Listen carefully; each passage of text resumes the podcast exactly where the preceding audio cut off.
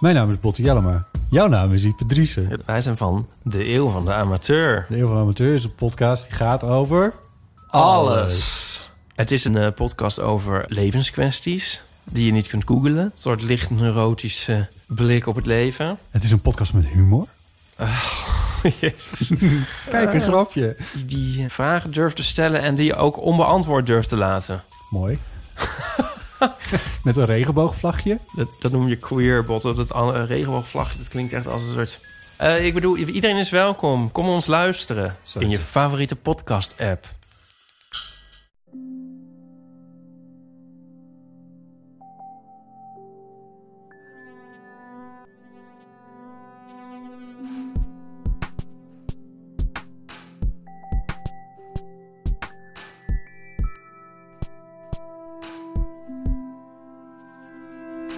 Hey, ik ben Pieter van Relaas.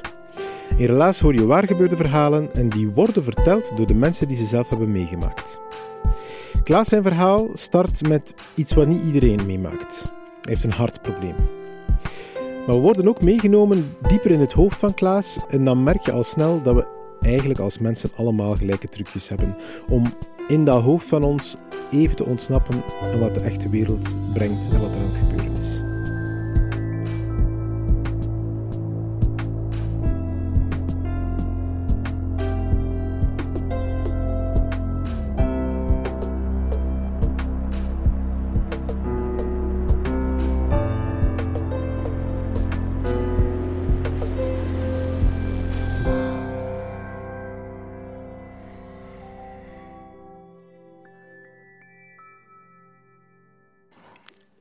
Herinner me nog toen ik ehm, zes, zeven jaar was, dat ik thuis was en dat ik heel erg blij was. En ik sprong op de zetel thuis en ik zei: Yes, yes, ik moet niet naar het leger. Yeah, yeah. Ik ben zo blij. En ik moet eh, mijn turnleraar, Michel, ik weet het nog hoe, die moest wel naar het leger. En ik niet, ik moest niet naar het leger. Ik was heel erg blij. Want ik was de dag ervoor naar het, eh, kwam ik thuis van het PMS. En die hadden gezegd, ehm, Klaasje heeft een ruisje op zijn hartje. Dat wou dus in feite zeggen eh, dat mijn hartklep niet, niet goed werkte en dat die aan elkaar hangde en van alles en nog wat. Dat ik eigenlijk nooit goed gehoord heb en nooit goed naartoe geluisterd heb, want ik ben eigenlijk super bang van dokters. Ehm, ja, ik moest dus vanaf die dag dat ik heel blij was dat ik niet naar het leger moest, moest ik heel vaak op controle. En ik moet nu nog steeds heel vaak op controle. En hoe langer dat ik op controle ga, hoe ambetanter dat ik controle vind. En hoe zenuwachtiger dat ik daar eigenlijk over ben. En dat is eigenlijk net niet de bedoeling van iemand die een hartprobleem heeft. Dus ehm, ja, als kind heb je dat nog niet goed door, maar behoorlijk snel begin je toch wel door te hebben dat die dokters misschien wel een lolly geven achteraf, maar dat dat toch eigenlijk gemeenrekken zijn of zo. Weet je het is niet echt mensen dat je op kan tellen. Ehm, dus ja, ik, ehm, ik begon allemaal mechanieken te verzinnen bij mezelf om controle te mijden. Of, te, ja, om, of daar iets mee te doen. Hè. Die controles herinner ik ook nog. Je moet je voorstellen, een dokter in wit, achteraan allemaal boeken over het hart. Allemaal 3D-opstellingen over het hart rond. En dan, ehm, dan deed hij allemaal testen. En nadat hij die testen deed, sprak hij nog in een dictafoon. En elke zin dat hij zei, zei hij daarna een punt of een komma en met heel veel Latijnse termen daartussen. Zo, zoals van, ehm, ja, Klaas heeft nu iets aan zijn hartpunt, dat is wel heel ambetant, komma. En, maar dan verstoor je dat eigenlijk niet. Hè? En dan zat je dan stil op een draaistoel en dan daarna vroeg hij aan jou hoe dat was. En dan daarna moest je dan zeggen, ja, ja, oké, ja. Ehm, en dan legde hij eigenlijk in geuren en kleuren uit wat dat er eigenlijk was met mijn hart. Maar dat moment dat dokters en geuren en kleuren uitleggen wat dat er mis is met je, op een of andere manier denk ik altijd, dokters, jullie hebben het niet goed begrepen. Dat werkt niet zo. Dat, dat, na, nadat je dat gedaan dat komt niet binnen. Dat, dat is gewoon, hallo, ik ben hier nog altijd. Dat kan je nu niet vertellen tegen mij. Ehm, ja, en, maar goed, ze doen dat eigenlijk, heb ik nu pas door, om je te empoweren. Dat, dat, mislukt bij mij keihard. Dat empoweren, dat is, ja, dat toch op die manier nooit gelukt. Ook tekeningen, eh, ja, van alles proberen ze om dat uit te leggen. En de trucken om daar dan mee om te gaan, de eerste truc is eigenlijk ervoor zorgen dat je eet vooraleer dat je daar naartoe gaat. Want als je niet eet, um, wat ik soms deed, omdat ik gewoon dat wou uitstellen en dan zo vlug, vlug, dan merk je gewoon dat je van de zenuwachtigheid gewoon je buik omdraait, begint te beven, begint trillen, draaierig wordt, wegloopt uit consultaties. Dat gebeurde wel af en toe. Gewoon van, ah, bye, uh, ik ga er niet meer naartoe luisteren.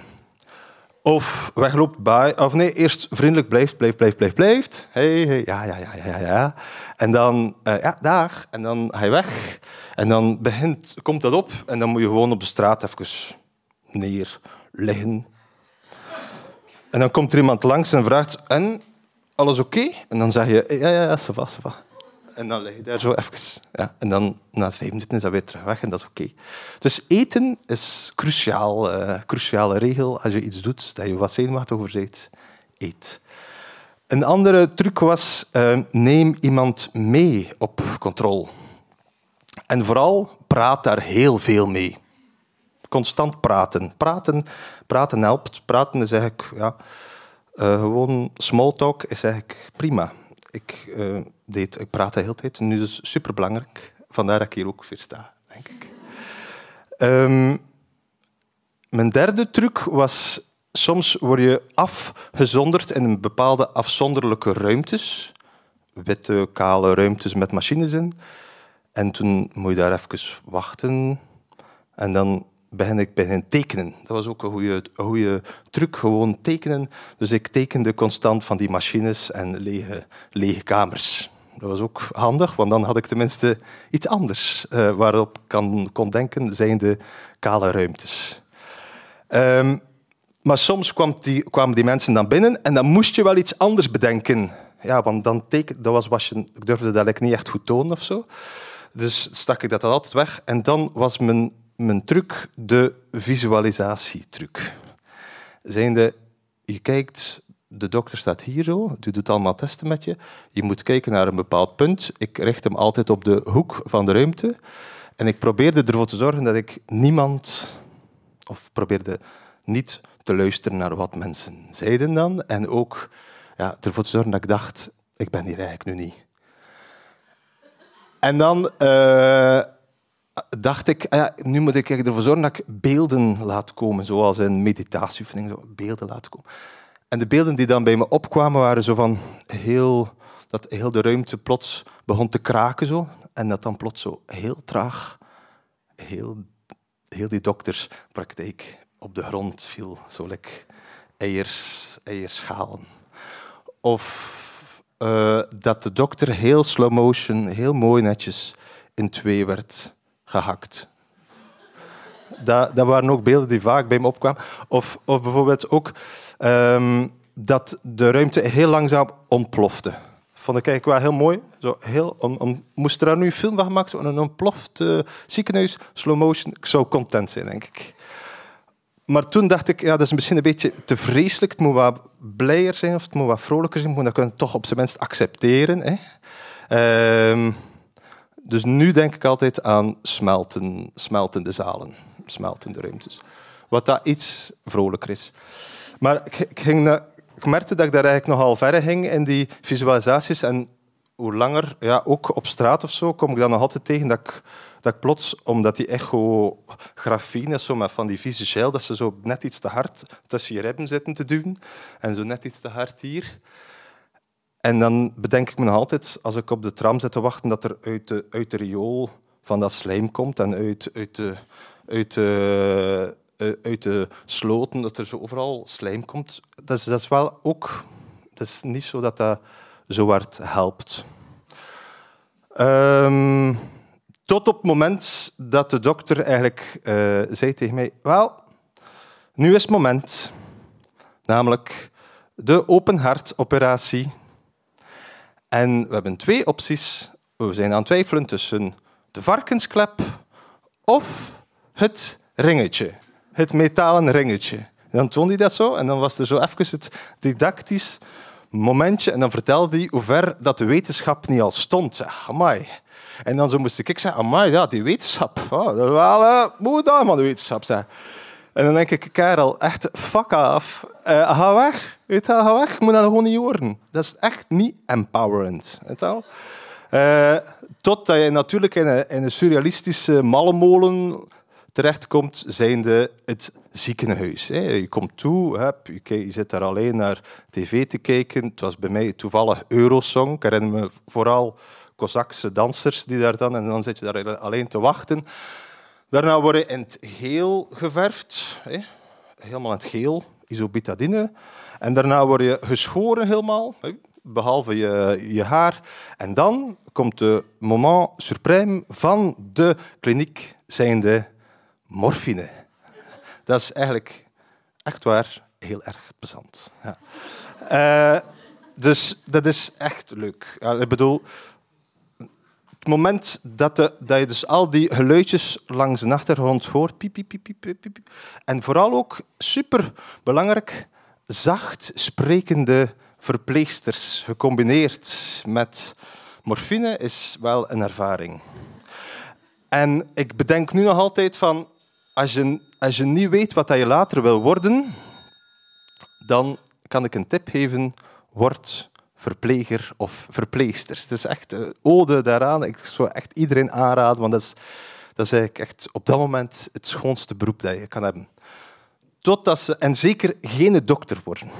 Dat moet, je, dat moet je niet doen, want dat is, de dokters zijn eigenlijk competent. Verpleegsters zijn heel tof. Dat is mijn conclusie nog altijd. Als ik iemand zeg die dokter is, denk ik, hmm, iemand die zo verpleegster is, denk ik, ah, tof, tof, tof, ja, leuk. Um, totdat de verpleegster plots zegt, um, we gaan de morfine een beetje minder. Nee. En dan heb je door van, je kunt dat zo net zien ogen open doen of zo. Ja. Ah ja, het is goed, het is goed, maar je weet eigenlijk niet. Ja, ik dacht dat dat eigenlijk normaal is of zo. En en dan mensen zeggen, ah nee, ja, ah nee, toch niet. Het hoeft niet, het hoeft niet. En uh, op dat moment doe je je ogen open en zie je voor je ook het didactisch systeem van de kliniek, een klok. Die heel hard duidelijk voor je tik, tik, ah. Dat is het eerste wat je ziet als je wakker bent, een klok. Om ervoor te zorgen dat je toch wel in het hier en nu zou zitten. Hè? De klok. En toen herinner ik me uh, ook heel hard dat ik toen vanaf dat ik iets kon zijn, dat ik tegen mijn moeder of tegen mijn lief zei ze van, hey, doe die klok weg, weet wel. Die klok weg, dat is echt ambetant. Maar dat mocht niet. De klok moest er blijven. En ik uh, zei toen, ja, maar hangt ernaast gewoon een schilderij. Weet je, dat ik gewoon hier in op intensieve gewoon een schilderij heb.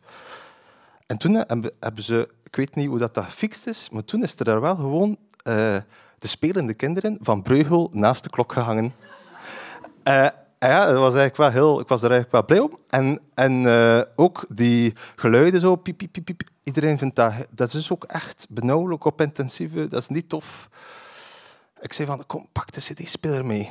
En toen hebben we een cd-speler gezet en een paar cd'tjes. En toen ik constant behoorlijk luid, net iets te luid op intensief. En ik vond dat ook wel heel cool dat dat mocht. Want ik dacht, allee, dan, want al die dingen staan hier open. Iedereen hoort elkaar. Dat zijn allemaal mensen die bijna aan, aan het dood gaan zijn, die resonatie blijven. En toen, toen, uh, toen zet ik heel luid, of net iets te luid, zo tango-muziek op, zo, om het nog, nog net iets pathetischer te maken, denk ik. Uh, en daarna, een keer dat ik hoe wakker begon te worden, begon ik weer heel veel te tekenen. Ik heel veel machines, kinesisten, mijn, mijn mede persoon die naast me ligt, dat heel tijd zitten klaar, heel tekenen, tekenen, tekenen. En ik denk dat dat tekenen er echt voor gezorgd dat ik behoorlijk snel uit de kliniek was, wat dat eigenlijk wel heel fijn was, en dat ik heel snel thuis was in de visserij aan het revalideren. En toen moest ik leren wandelen terug. En ik herinner me, het was juni dat ik eh, net naar beneden kon, want het wc bij ons was beneden. Dat was echt al een hele uitdaging. En op een gegeven moment kon ik toch wandelen naar de korenmarkt. Ik, was echt zo, ik stond echt zo als kampioen op de korenmarkt. Van, yes, ik ben hier. En het was juni en het was voetbal. En iedereen applaudisseerde de hele tijd. Ja, ja, ja. Ik stond er van, yes, yes. Ik sta hier, ik sta hier, goed gedaan. En toen ben ik eigenlijk elke dag gaan wandelen naar de voetbal om tot rust te komen. En iedereen zong liedjes en zo. En dat was eigenlijk wel tof. Uh, dus, allez, dat was eigenlijk wel goed. Nu, daarna moest ik natuurlijk een aantal dingen pakken die niet ervoor per se zorgden dat ik rustiger werd. Want die operatie, heel gek, ze zeiden, het is goed gelukt.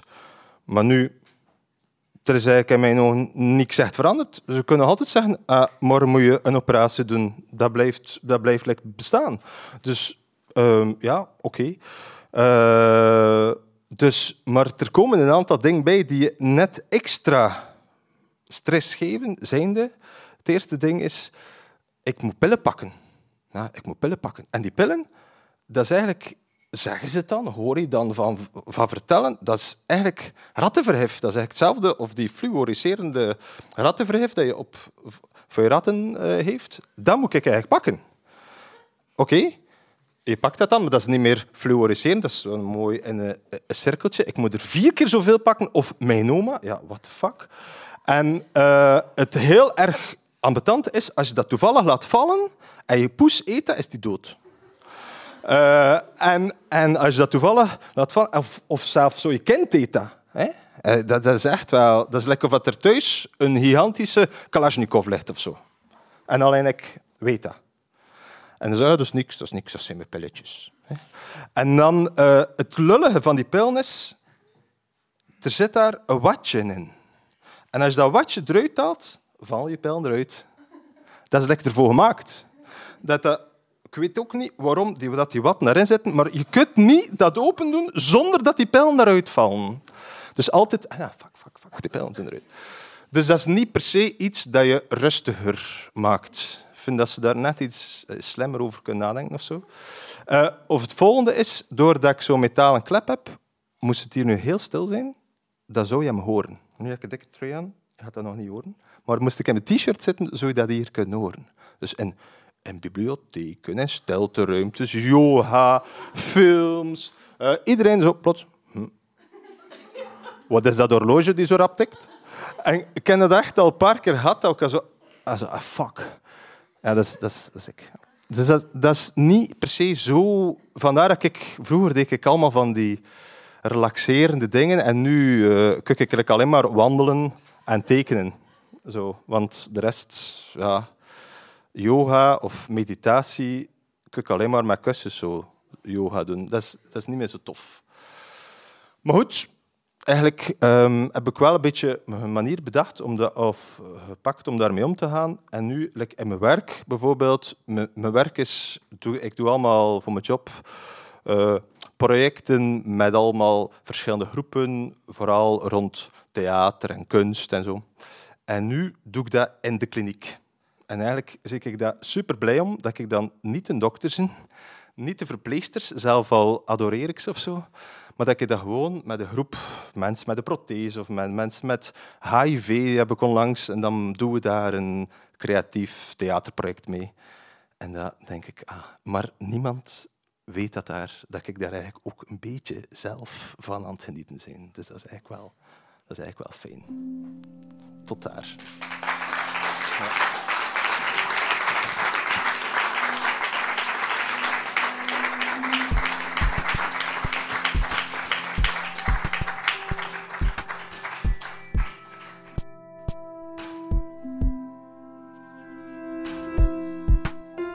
Dat was het relaas van Klaas. Hij heeft het verteld in Huzet in Gent. Het was in november van 2021. Je kent dat wel, het was zo'n opgeluchte avond. Want het was tussen coronagolven door en tussen sluitingen van de cultuursector.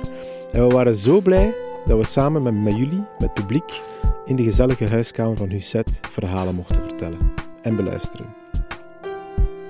Want dat is niet altijd evident geweest de laatste twee jaar.